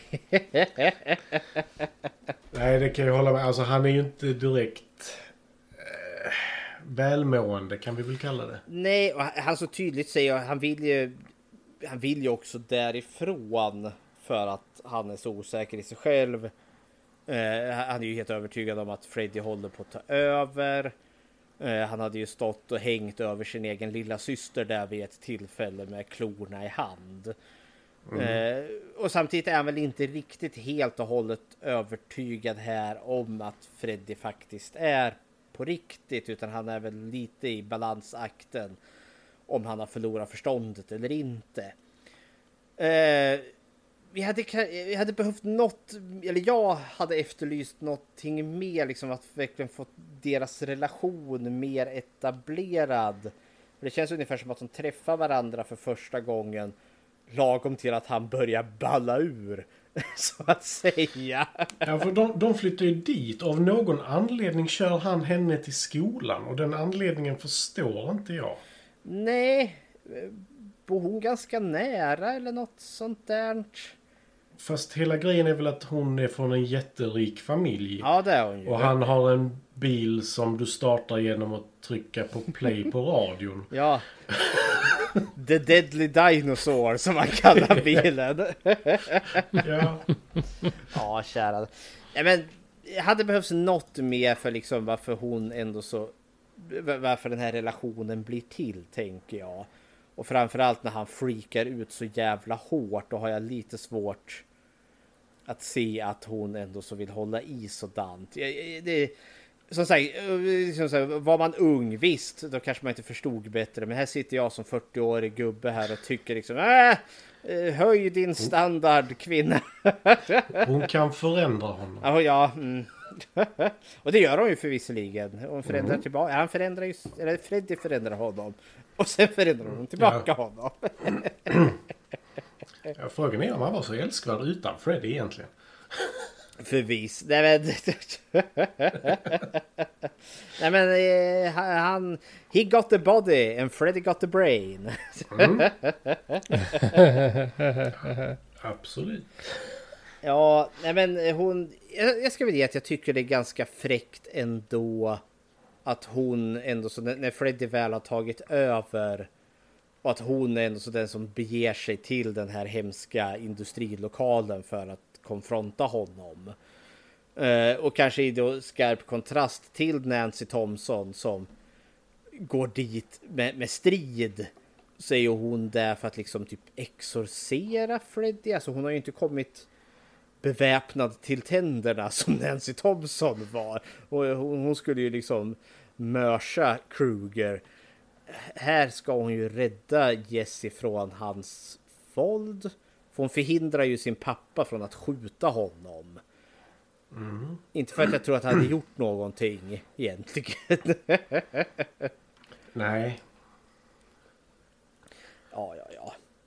Jaha, men det är våra karaktärer här i alla fall. ja. Spretiga som tusan och eh, men ändå en hyfsad eh, bredd. Ja, det är, väl, det är väl Jesse som stjäl hela showen egentligen. Han är mest. Vilket är meningen kan jag tycka. Jo, förvis. Och jag, tillbaka till honom. Jag, jag gillar väl ändå så den här, liksom, den här lite schizofrena Dr. Jekyll och Mr. Hyde förhållandet han har där.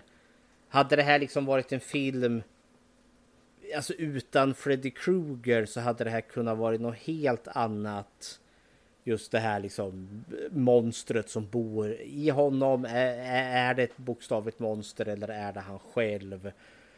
Och den har ju många gånger så här i efterhand tolkats in liksom som att det är ju han som bataljerar med sin sexuella identitet.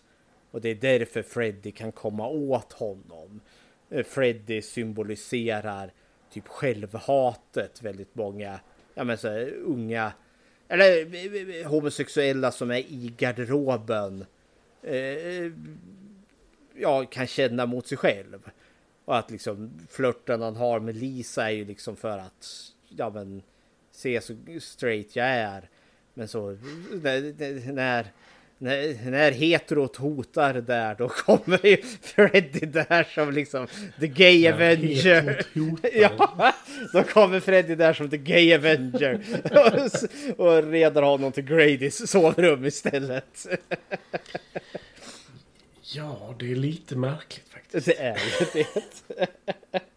Men det är också så här subtext som den här filmen har. Mm. Ska vi gå in på platserna, miljön? I den här. Det finns ganska många att välja på, ärligt talat. Mm. Ja. Vi har ju Springwood här, liksom villaområdena. Här. Eh, och eh, sen The Power Plant där Freddy bor. Så att säga. Jag tycker att den här filmen, om jag jämför med förra eh, där vi också, vi är ju bokstavligen i samma hus i den här. Eh, men i den här upplever jag att jag får liksom en större helhetsbild över hur, hur Springwood är uppbyggt och fungerar. Och framförallt att vi är ett jävligt välbärgat område med, med Lisas poolparty där och allt. Eh, och då tänker jag väl säga att eh, familjen Walsh bor eh, är väl heller liksom, det, det, det måste ju vara övre medelklass. Men Lisa är ett trappsteg högre. Mm, ja, men så tolkar jag det också. Alltså det, det är ju inget, vad ska man säga, orenoverat hus de bor i. Nej. Utan det är ju två våningar, det är ganska stort. Och det är samma ugn som de har i Ensam Hemma nästan. Ja, nej men jag vet den här filmen är lite ljusare dessutom i sin färgsättning. Jag ser mer utav och världen runt omkring. Och då har vi lite stark kontrast till det här faktorilokalen som var powerplant, alltså en kraftstation. Och den före detta kraftstation eller eh, elverk eller vad man ska säga. Ja. Där Freddy då tog sina offer där då när han fortfarande levde om jag förstod det rätt. Jag tänker det blir ju lite den här kontrasten återigen som Alltså vi har ju liksom de oskyldiga, de bor i de här fina eh, villaområdena med sina jättepolar och monstret kommer från den här sunkiga, nedsatta, liksom tunga industrin. Eh, ett lite klasshat jag ser dyka upp här. Ja, Men samtidigt så staden ligger ju vad det ser ut som mitt i öknen också. Ja, För åker du två minuter från Jessis hus. Helt plötsligt så finns det ingenting utom öken och liksom kaktusar. nej, och- och det kan ju också då förvisligen vara drömlogik där då. Kan vara. Men det är svårt att säga också. Det är ju det. Men just ökenen då, för jag tänker ju säga att värme är ju ett ganska centralt och återkommande tema i den här filmen. De klagar ju över att det är så varmt i, i huset där Jesse svettas nu så fruktansvärt. Eh, eh, men sen gör ju resten av familjemedlemmarna det också. Jag noterar ju varje gång Freddy väl kommer upp, som i poolpartyt där också. Det är de det är ingen sån där, ja, poolen börjar ju koka exempelvis. Vi har eld som dyker upp lite här och var. Men alla är också verkligen dyngsvettiga. Eh, så av den anledningen är Freddy väldigt kopplad till värme i den här filmen. Och han brann ju upp så Ja, han gjorde utstrålar värme. Ja, Jag vet inte. Kanske. Ja, det låter faktiskt logiskt. Det skulle kunna vara en sån sak. Eller så är det något de bara har... Alltså, som de inte tänkte på överhuvudtaget. Eller jag har inte sett Never Sleep Again så de kanske nämner det där. Nej, inte direkt. Men alltså, jag tar ju sån här värmen är ju en del i Freddys alltså, nedbrytning av Jesse. Det är varmt och äckligt och obekvämt. Han lägger handsken i deras värmesystem. Mhm. Alltså det, det är ju mycket saker som har med värme att göra. Ja. Bla- Fåglarna. Ja. där fick jag det. Fåglarna som dör där. En, en sprängs, den brinner ju upp. Pang! Men det, det nämnde de här Never Sleep Again. Att det fanns det en symbolik. För fåglarna är ju faktiskt de första som ryker i huset. Och att eh, det körde de lite den här med. Man hade ju kanariefåglar i, i gruvor. För att om vi får en gasläcka så är ju de de första som eh, andas in gasen och dör. Mm, Och och, då- det är ju det pappan säger också. Ja. Att det är en gasläcka och det är därför det var så varmt och det Mm. var därför par- fågeln sprängdes. Och det var därför brödrosten som inte var inkopplad började brinna. Jajamän. Nej, det är en, det är en gasläcka. Mm. Helt klart. Alltså, sen anklagar och det, det här kommer jag ihåg, det irriterade mig redan första gången jag såg den och det irriterar mig alla andra gånger efter ha sett den. Han beskyller ju Jesse för att ha sprängt parakiten där med en cherry bomb. Vad i hell kände jag då? Då vill jag bara örfila gubbjäveln rakt ner i helvetet. Alltså, hur till att börja med? Mhm. För, för fågeln är i buren Mhm. innan Jesse kommer in. Sen så går det väl, vad kan det vara, 30-40 sekunder innan fågeln sprängs. Ja. Och jag tänker säga, för där finns det, alltså för han, herr Grade, nej, herr, herr Walsh där. Alltså han verkar, eh, han verkar ju kunna anstränga sig för att hitta liksom orsaker att beskylla Jesse för. Var det nu än är så är det Jesses fel på något vis och vänster. Eh, Han bryter ju ner honom sakta men säkert så det är ju liksom Många av de här att han har dålig, dåligt självförtroende och så det är ju pappans fel. Ja, och det värsta i den här kråksången är så jag tror inte att pappan gör det här för att han är en elak sadist och vill liksom stå på nacken på sin son, utan i hans egen uppfuckade logik så gör han det här i någon form av välmening. Han vill sin sons väl, men sonen det går ju inte bra. Han måste ju gå på droger. Han sprängde parakiten på grund av... Nej, nej. nej. han, han har lite för lätt till att alltså sonen är orsaken till det här. Till, till allt problem som finns. Ja, alltså när mamman säger att han... Liksom Jesse är sjuk, han kanske behöver en läkare. Och pappan svarar han behöver en spark i röven så att han skärper sig. Det är så här... Inte för att vara sån. Din son vaknar varje natt skrikande på ett sätt som inte låter särskilt normalt. Och det är också... Men på den tiden så var det också när du hade en depression eller så. Det första man gjorde var att daska till dig och säga skärp dig nu. Ja, ja, men det var ju dildo och hysteri. Och. Jajamensan. Ja, Lite tidigare i och för sig på film. men- Nej, men, och där kan vi kanske, det, det, där finns ju en viss koppling över till förra filmen också där vi har den här vuxenvärlden som inte riktigt vill se sina ungdomar utan för man är lite för upptagen med att ha det här vackra yttret. Det var ju lite Wes Cravens tanke här också att det här fina villaområdet i Springwood det, det, det, det är glattigt och fint på ytan men skrapar man där så är det ju ganska ruttet. För de, de har haft den här seriemördande pedofilen som de har lynchat. Och nu lever alla liksom i någon form av tyst hemlig, alltså de har en hemlighet som kväver dem. Äktenskapen är på krasch, det är alkoholism och allt vad det är. Så det finns en liten här också med den här egentligen dysfunktionella familjen. Som jag känner liksom egentligen håller på att knäcka, han håller ju på att knäcka sin egen son. Och morsan är alldeles för vek för att göra någonting åt saken. Ja, Men hon är, hon är kvinna, hon ska hålla sig på sin plats. Ja, Det, det, det, det är inte mina ord men eh, det var typ så det var då. Jag tänkte det var perfekt soundbite på det annars. jajamensan. Och vad tycker du? Jag var tvungen och vad att lägga tycker- till. Vad tycker du Patrik? Ja, men kvinna ska vara på sin plats. Varför hackar det så mycket det du säger? Kvinnan ska vara på sin plats.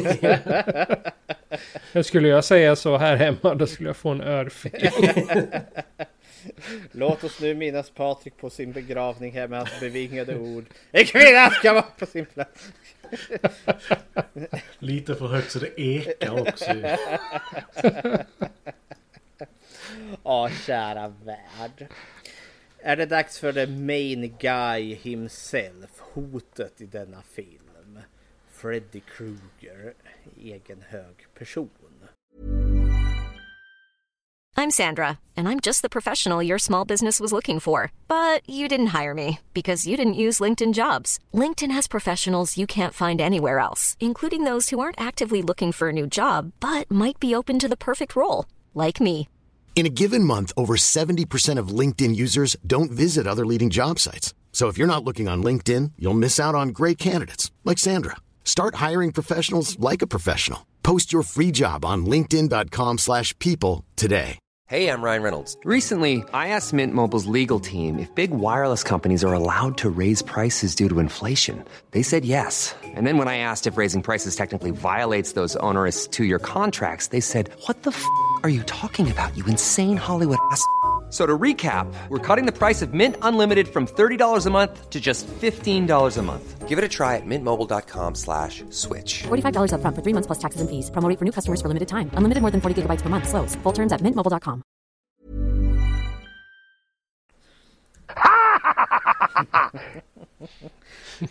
Vad tycks om Freddy Krueger i denna film?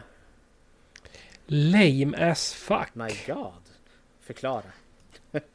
Ja, alltså den här Freddy, jag tycker han är så... Om man jämför med första Freddy. Han hade flera one-liners, han var mycket... Han var mycket mer skrämmande än vad den här Freddy är. Jag tycker här är det liksom en...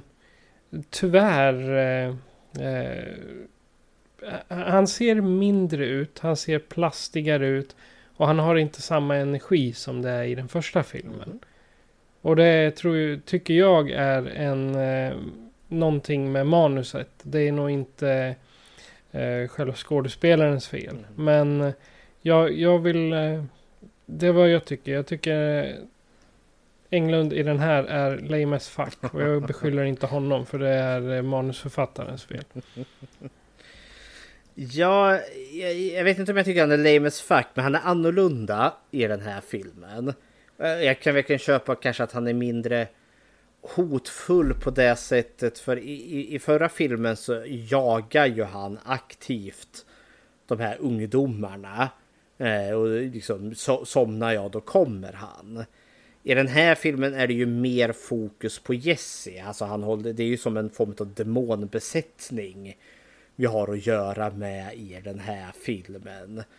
Så hela modus operandi är ju fullständigt annorlunda med Freddy Krueger i den här.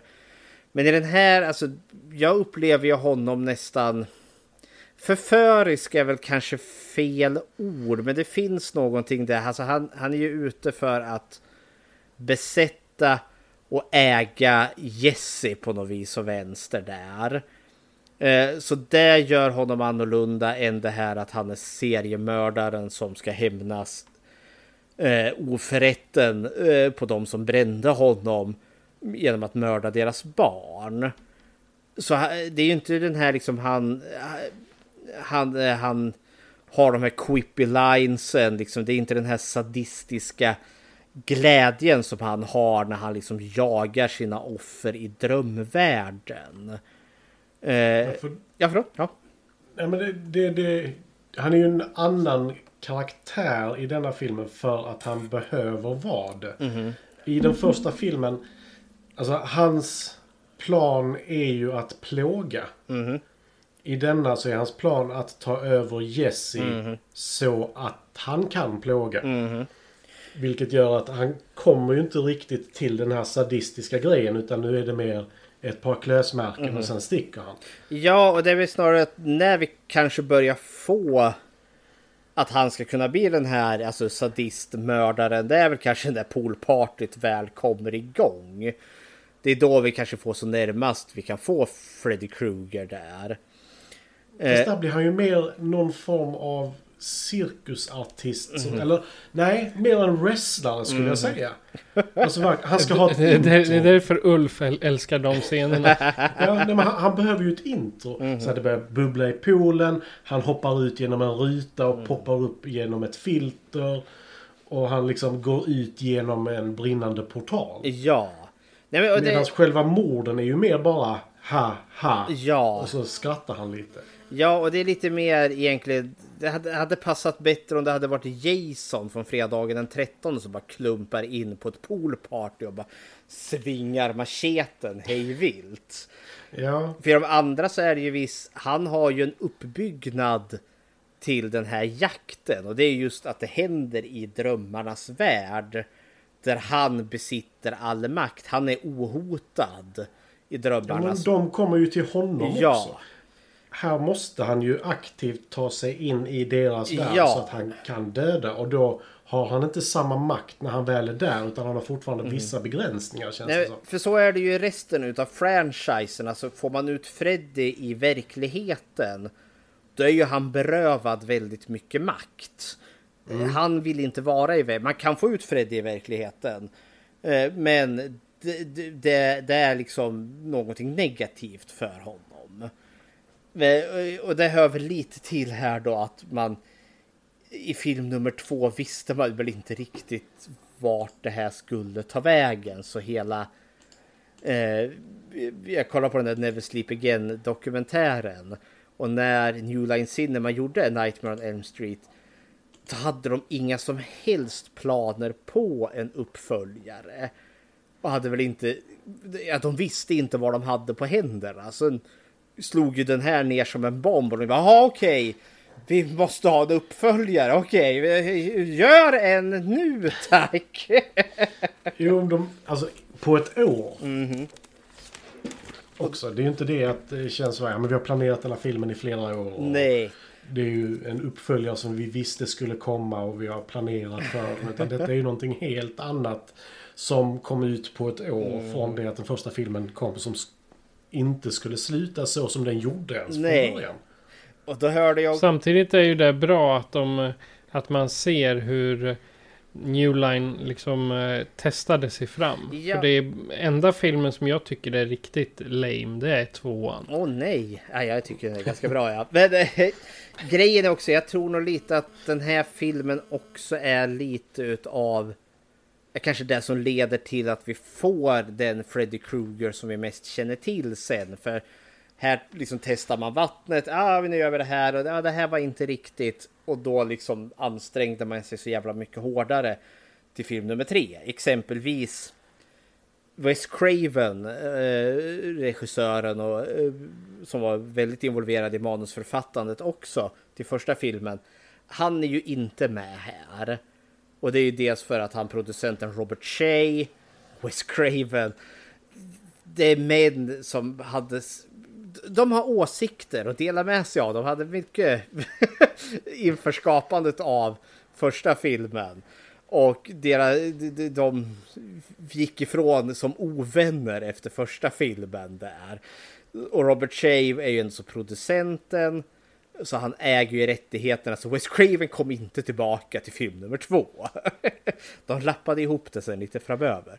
Men det gjorde väl också det att Robert Shea var väl liksom mer... Oh, vi, vi, alltså för New Line Cinema höll ju på att tanka. Alltså de höll ju på att gå i konkurs. Och det här vart ju plötsligt en, alltså en räddning för dem. Och då behöver vi uppföljaren. Vi behöver liksom, oh, mjölka det här. Men Wes Craven fanns ju inte kvar för att liksom ge tips och råd. Och då hamnade jag hos han David Chaskin som skrev manuset här. Och han, hade, han tyckte det var mer spännande med den här tanken om Freddy Krueger som besätter någon och ändrar mytologin där. Och då, ja det gick ju sådär. Eh, ekonomiskt gick ju den här filmen jättebra. Eh, men till film nummer tre insåg de att vi, vi måste ha som more of that good shit. Så då, då bjöd de ju tillbaka Wes Craven och fick tillbaka lite. Ja, men det känns alltså... Det, där finns ju vissa namn inom skräck och Wes Craven är ju ett av dem. Nej men det är ju inte David Chaskin på samma sätt. Nej. Alltså... Och på tal om det, på tal om namn här, alltså med tanke på att de visste inte riktigt vad de hade på händerna här. Robert Englund, när de började den här film, spela in den här filmen, då var inte Robert Englund castad som Freddy Krueger. För man tänkte, ja men det är ju bara en eh, kille i en mask.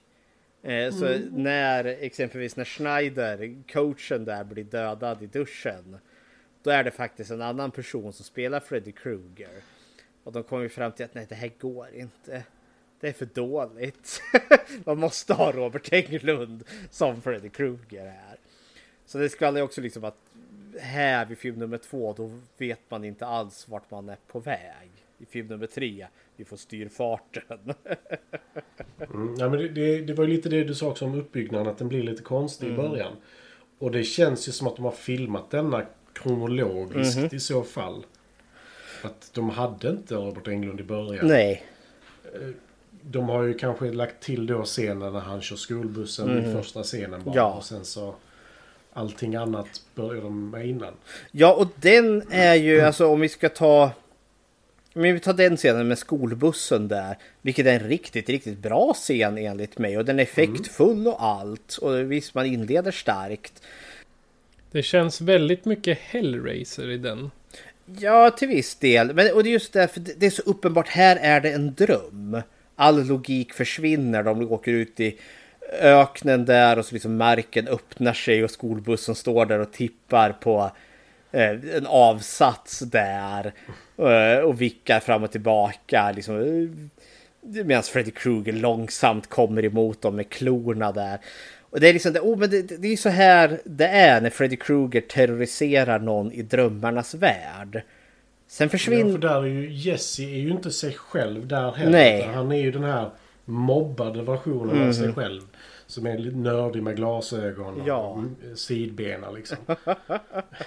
Men där försvinner, och det, jag, jag tolkar nog lite kanske som... Det var ingen peak Patrik. Här sitter jag med både glasögon och sidben. Jag, jag har varken hår eller glasögon.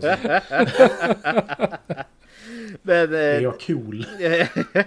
men eh, för för jag kan mycket väl tänka mig att det är som, som du sa Matte, det här är en efterhandskonstruktion när kanske filmen redan var klar. Och vi insåg att ja, men vi Mm. måste ha mer av alltså det här drömeska. För resten av filmen är ju inte riktigt utan det är ju mer Jesse som sakta men säkert blir övertagen. Och majoriteten av det övernaturliga som händer händer ju inte i drömmarnas värld. Utan det är ju liksom i den verkliga världen. Där Freddy Krueger verkar liksom som en kraft från andra sidan. Som påverkar. Och där har jag en teori för att få det här att gå ihop. för att få det här kontroll...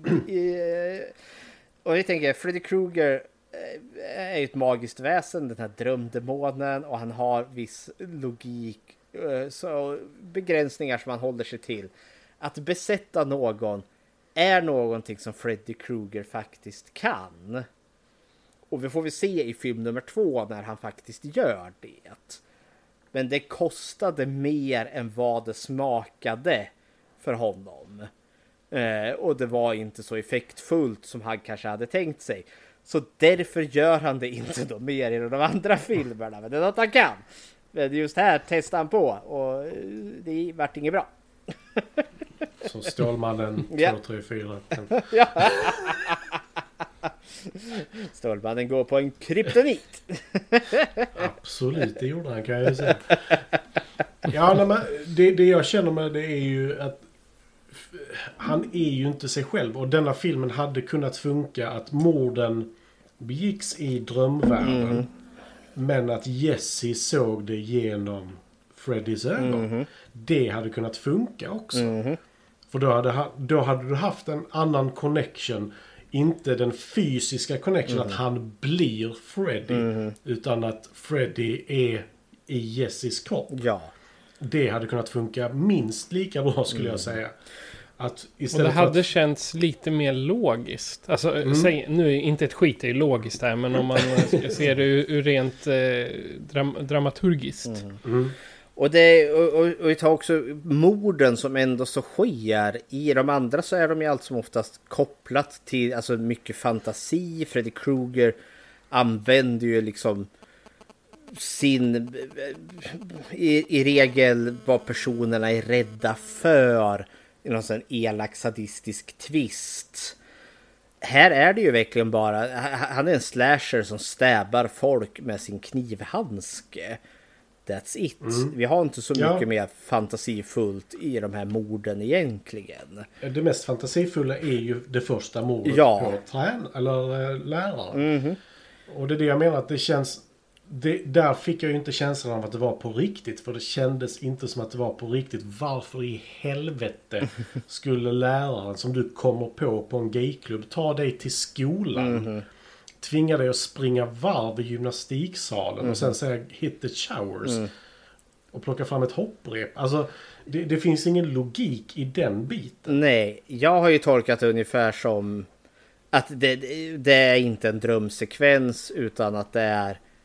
Ja men Schneider är ju där på gayklubben för att det tycker han är kul.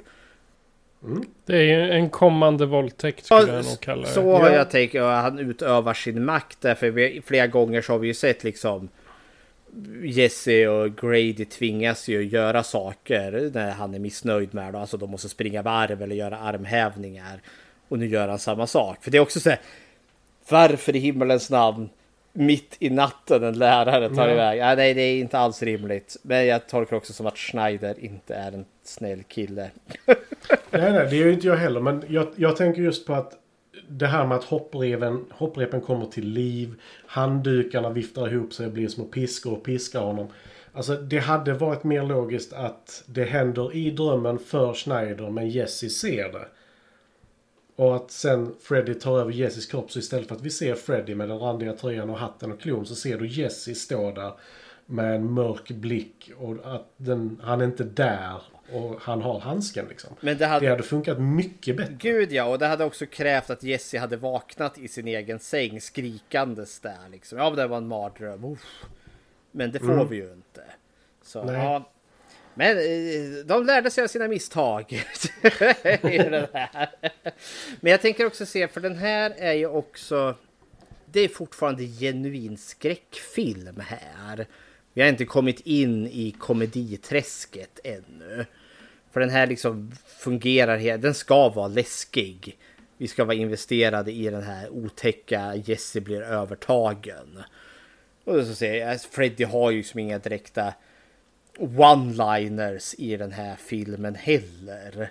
Det närmsta vi kommer den är ju liksom You have the body and I have the brain. Och så sliter han ju av sig gässan och blottar hjärnan där. Mm. Ingen fontanell där. Ingen fontanell där inte. På tal om, på tal om andra skillnader här. Vi kan ju tänka att vi ska spela musiken från Terrorn på Elm Street här. Eh, två för att vara exakt. Och höra de stora skillnaderna som har uppstått även där. Så take it away Patrik.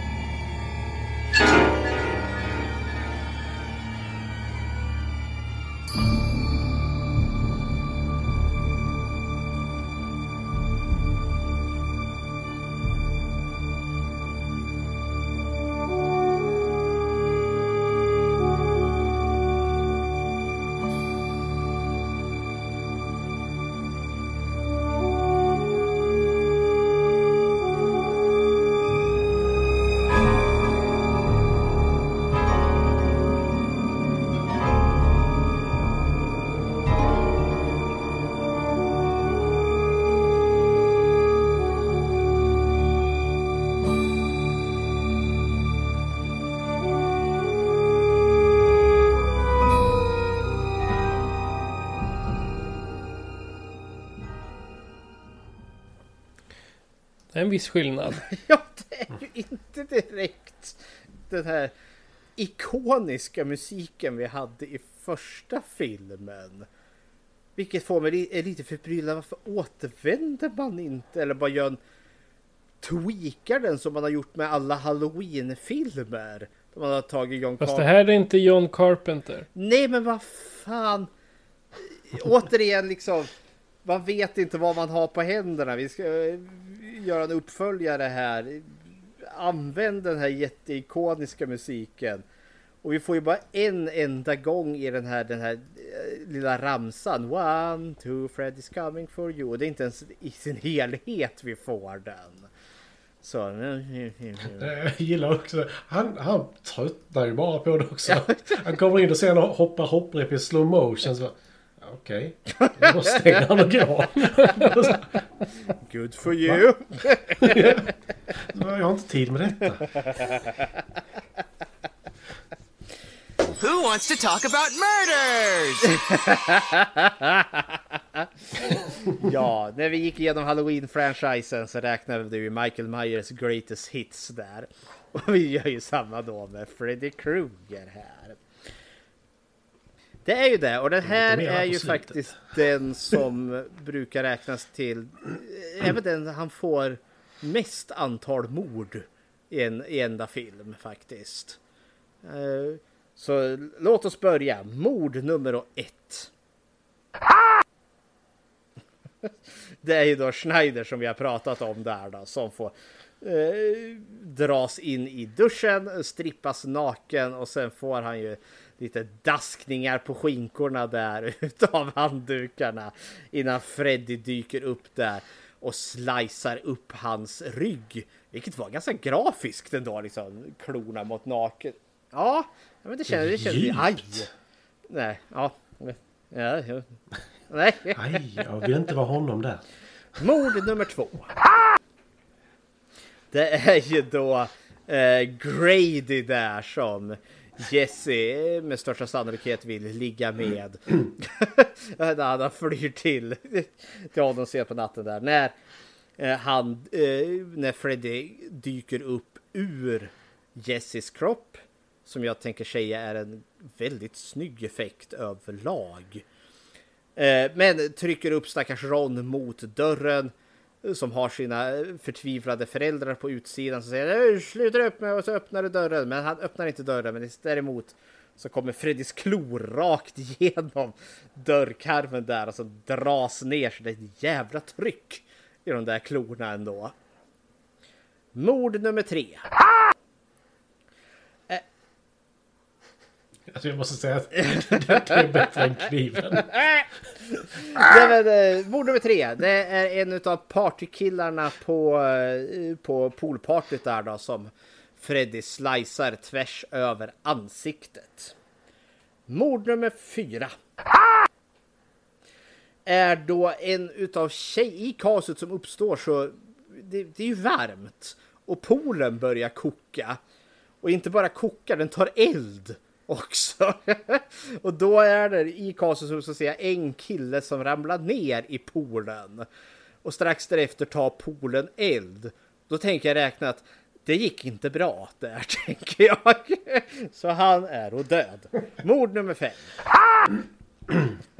är då en stackars tjej som också ramlar ner tillsammans med den här killen. Så hon är inte bara kokt, hon är stekt också. Mord nummer sex. Är då en kille åter på partyt. Han försöker klättra upp för en mur. Men så ramlar han ner igen bakom en buske och då slår det upp eldslågor bakom busken. Så jag tänker, ja, han måste ju ha brunnit upp. Så ja, hepp. Ja. Mord nummer sju. Är inte direkt Freddy här utan vi får se kaoset har uppstått. Folk försöker fly ut därifrån en stackars kille beslutar sig för att lägga sig under den här folkmassan och så blir han trampad till döds. Vi ser hans nacke liksom lägger sig åt sidan så hör vi ganska tydligt liksom knakljud. Och då tänker jag, då, då är han död. Nu tänker jag säga, det är ju inte Freddy utan det är ju ungdomsgruppen. Men det är Freddy som orsakar det Stampede här, så han är skyldig tycker jag. Eh, mord nummer nio. Mm. Nej, åtta menar jag. En stackars kille som bara springer där skrikande så Freddy bara kommer och planterar klorna ett rejält stadigt tag i, i kärlekshandtaget där bara, och grötar runt lite. Uh, mord nummer nio. Är då han den här killen som försöker tala ner Freddy Krueger. Liksom, Nej men allt blir bra här. Jag är här för att hjälpa dig. Uh, och den här killen liksom, ja, read the room. Äh, för fan. Den här killen känns inte direkt som att han sprang omkring och var rädd. Och kände jag behöver hjälp. Nej, eh, undvik honom. Men han får ju då som tack för mm. erbjuden hjälp eh, Freddys klor över bröstet. Och så slänger han iväg honom över grillen. And that bitch be dead. Mord nummer 10. Efter att Jesse har eh, blivit exorcerad av Freddy så sitter de ju på bussen igen. Och så sitter då kompisen Kerry bakom där. Och så har de lite kompisprat. Och då helt plötsligt så kommer ju Freddys hand, eller inte bara hand utan arm, ut ur hennes bröst. Den här är lite on the fence. För här kan vi ju då säga att nu är vi kanske i en drömsekvens igen. För vi slutar ju med att bussen drar ut i öknen precis som den gjorde i början. Men... Ja. Men? Ja, då dör man på riktigt. Oh, så tokigt. Så tillbaka, för mm. det gick ju inget bra där med att besätta Jesse. Så nu är Freddy tillbaka till sina old time tricks again. Och i de flesta när jag har varit inne och kollat på andra som gör kill counts så brukar hon räknas med. Det gör ju då att allt som mm. allt tar eh, Freddy livet av 10 personer i den här Vilket gör då att vi har hamnat i ett slutgiltigt kill count på 34 personer. Åtta av dem var män, så då är vi uppe i 20 män och eh, två av dem var kvinnor. Så då är vi uppe i 14 kvinnor, allt som allt. Vi gör ju Vi det. Det är frå- då är frågan om mest mördade killar. Om det är en win eller om det är en win...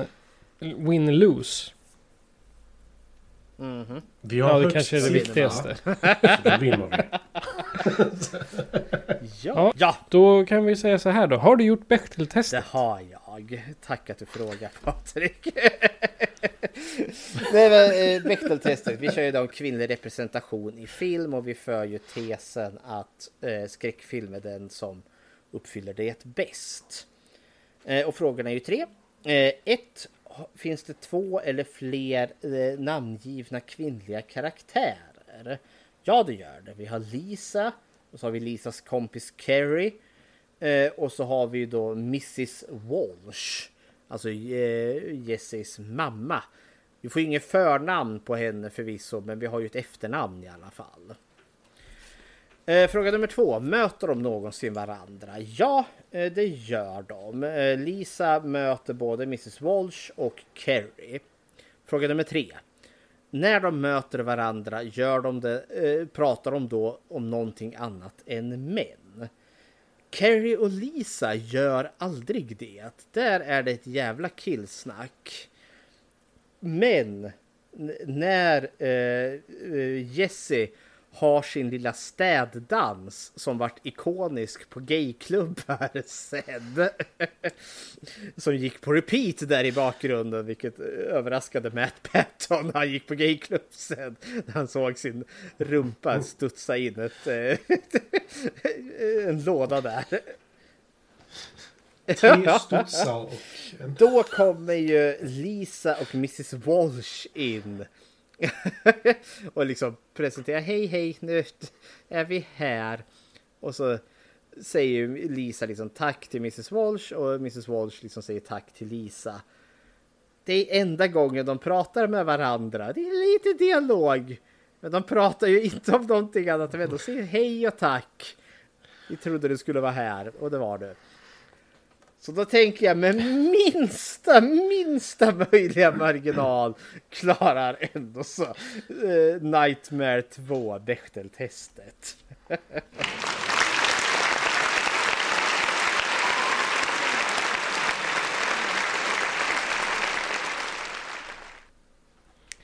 Då som Matti, har du några avslutande tankar om Nightmare on Elm Street 2? Oj, oj, oj, oj, oj. Alltså jag måste erkänna att jag har inte sett ettan på jätte, jättelänge. Eh, Men slutgiltiga tankar är ju... Fast jag inte sett dem på så länge att de bryter så pass mycket från vad Freddy faktiskt var i förra filmen. Gör att det inte riktigt känns som att det är en Freddy-film. Utan det känns mer som en... Ja, någon form av besatthet. Alltså, de är besatt, besatta av en demon snarare än att det är Freddy. Det enda som gör det till en Nightmare on Elm Street-film skulle jag nästan säga är när hon kommer till den här powerplanten i slutet och de här rottweiler-hundarna med bebisansikten sitter där. Vilket är väldigt märklig scen. För de gör ingenting heller utan de är bara där. Eh, men jag skulle säga att jag är glad att jag har sett den igen faktiskt. Eh, av rent personliga skäl. Jag kan kanske se Robert Englund i ögonen. Eh, utan att... Att hjärtat dunkar positivt kan vi väl säga då. Eh, men jag tycker den är inte läskig. Utan den, den är rolig. Och frågan är om... Jag har svårt att säga var den är medvetet rolig och var den är omedvetet rolig. Och det är en ganska bra balans tycker jag faktiskt. Eh, Betygmässigt Så blir det kanske inte jättehögt men från 1 till 3 eller 1 till 5 skulle jag säga en 3. Men en ganska stark sådan. Ja, jag hugger väl in här då. Jag som sagt, jag har gjort en resa med den här filmen. Som ung tyckte jag det här var det svagaste kortet. Mycket av det som vi redan var inne på just att tonen är så annorlunda här. Freddy beter sig inte riktigt som Freddy är. Sen har jag... Den här har väl gått och blivit lite mer kultig för mig. Så jag har uppskattat den på nytt. Och sen tror jag kanske väldigt mycket har att göra med subtexten som finns i den här när jag upptäckte liksom att shit vad den här filmen var gay. Vilket jag inte såg när jag var yngre. Men så när jag såg, oh, herregud, den här är ju Det är liksom Unicorn farting rainbows gay. det var lite kul. Jag gillar väl också egentligen att man har tagit liksom lite, alltså en annorlunda ton till den här. Eh, men samtidigt stör mig lite på det. Men jag, jag, det, det är mycket som faller rätt på plats i den här filmen. Men det är mycket som också faller bort. För det, det, och framförallt med Freddy Krueger-biten faller bort för att det är så långt ifrån honom egentligen. Eh, att vi inte rör oss så jättemycket i drömmarnas värld. Vilket är det, liksom det här spännande biten som de här filmerna har. Men jag, som sagt, jag, när jag ser om den här så blir jag bara glad igen. Och jag tänker mitt yngre jag hade gett den här en två av fem. För jag var så missnöjd med den här. Men nu, mitt 40-åriga gamla gubb-jag här, tycker det här är en väldigt trivsam film. Och ger den då kanske en oförtjänt fyra av fem. Och det är det för en personlig fyra för jag uppskattar den här väldigt mycket ändå. Det Fast är ju är ju personligt skulle jag säga. ja, men det var en fyra av fem och mitt slutord där. Ja, jag har ju som jag inledde med att jag tycker den här är lame AF.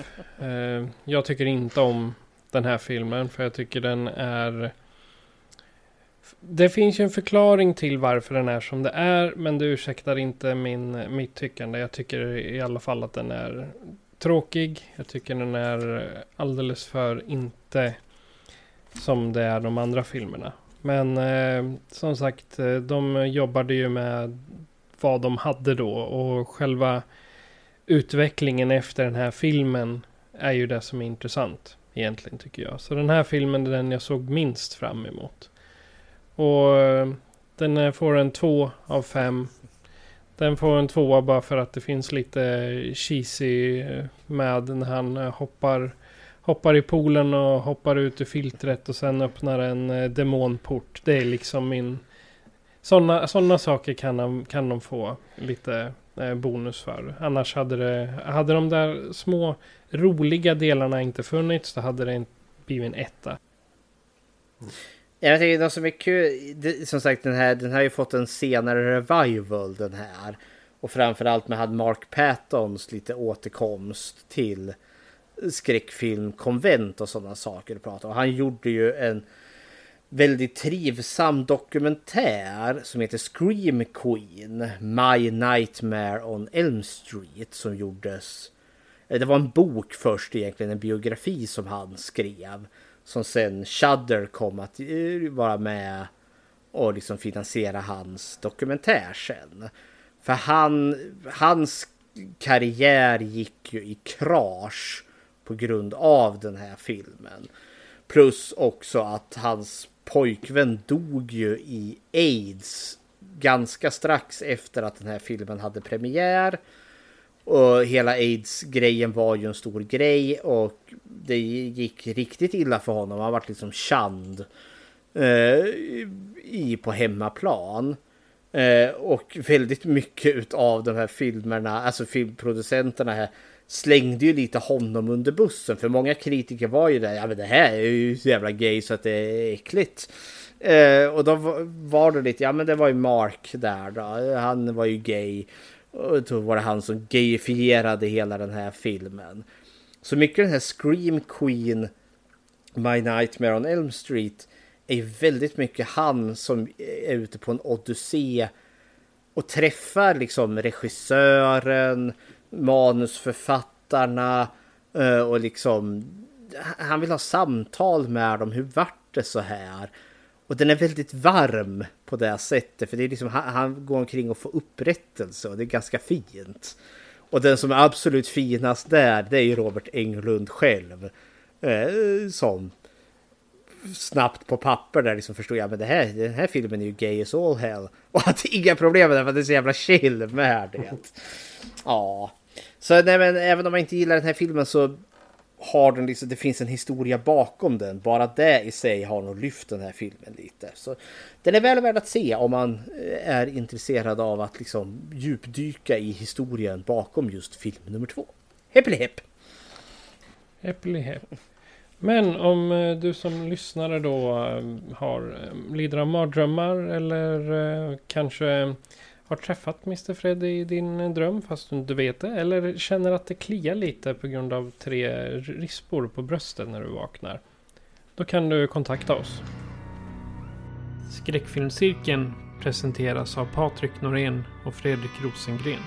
Produktion FPN Productions. Besök skräckfilmscirkeln.com för att hitta var du kan lyssna på oss, hur du kan stödja oss och hur du kan kontakta oss. Vill du diskutera filmerna i avsnitten är du välkommen att gå med i gruppen Skräckfilmscirkeln Eftersnack på Facebook. Tack för att du lyssnar.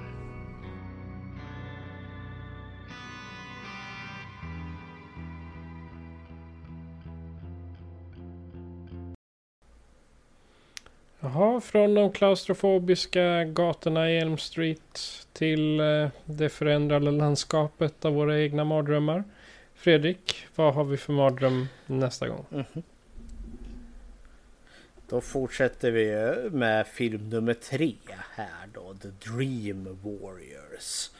Då äh, våran badass final girl Nancy Thompson gör sin glorious return här.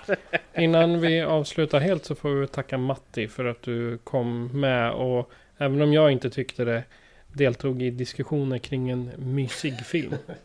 Tack för att jag fick komma. Det var mycket trevligt. Det är alltid trevligt. Det var länge sedan jag var med nu. Ja, men det är alltid roligt att ha dig här. Och nu vet vi, Patrik tyckte ju inte den här filmen var mysig. Jag har ju inte varit hemlig, jag tycker den här filmen är jättemysig. Men då kommer ju frågan till dig Matti. Är den här filmen mysig? Förvirrande mysig. Så kan jag säga. uh, och det är inte för att jag uh, vad heter det, är bi-curious utan det är för Freddy är all over the place.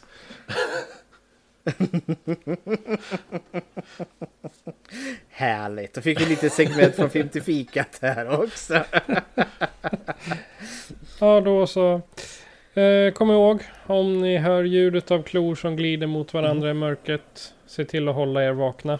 Ja, och, vad, vågar. och vad är det för något vi spelar ut med här nu? Vi ska avsluta med hans Dans i dans-låt som han hade på slutet där. Den heter Touch Me All Night Long ja, av men. Fonda Ray. Så att eh, kvar att säga är att eh, jag heter Patrik. Och jag heter Fredrik och med oss hade vi Matti från Film till fikat.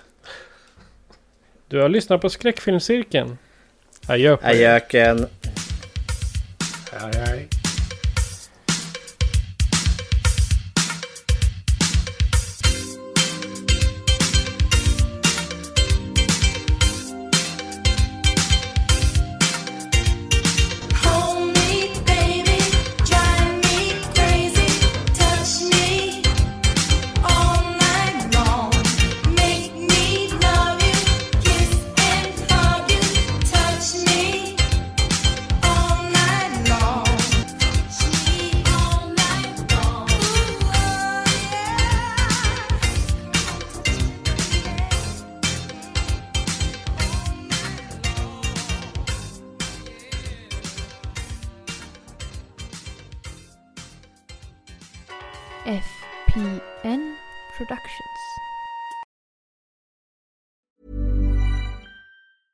Planning for your next trip?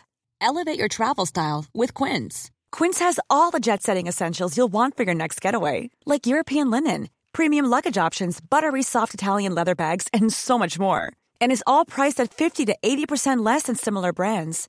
Plus, Quince only works with factories that use safe and ethical manufacturing practices. Pack your bags with high-quality essentials you'll be wearing for vacations to come with Quince. Go to quince.com slash pack for free shipping and 365-day returns.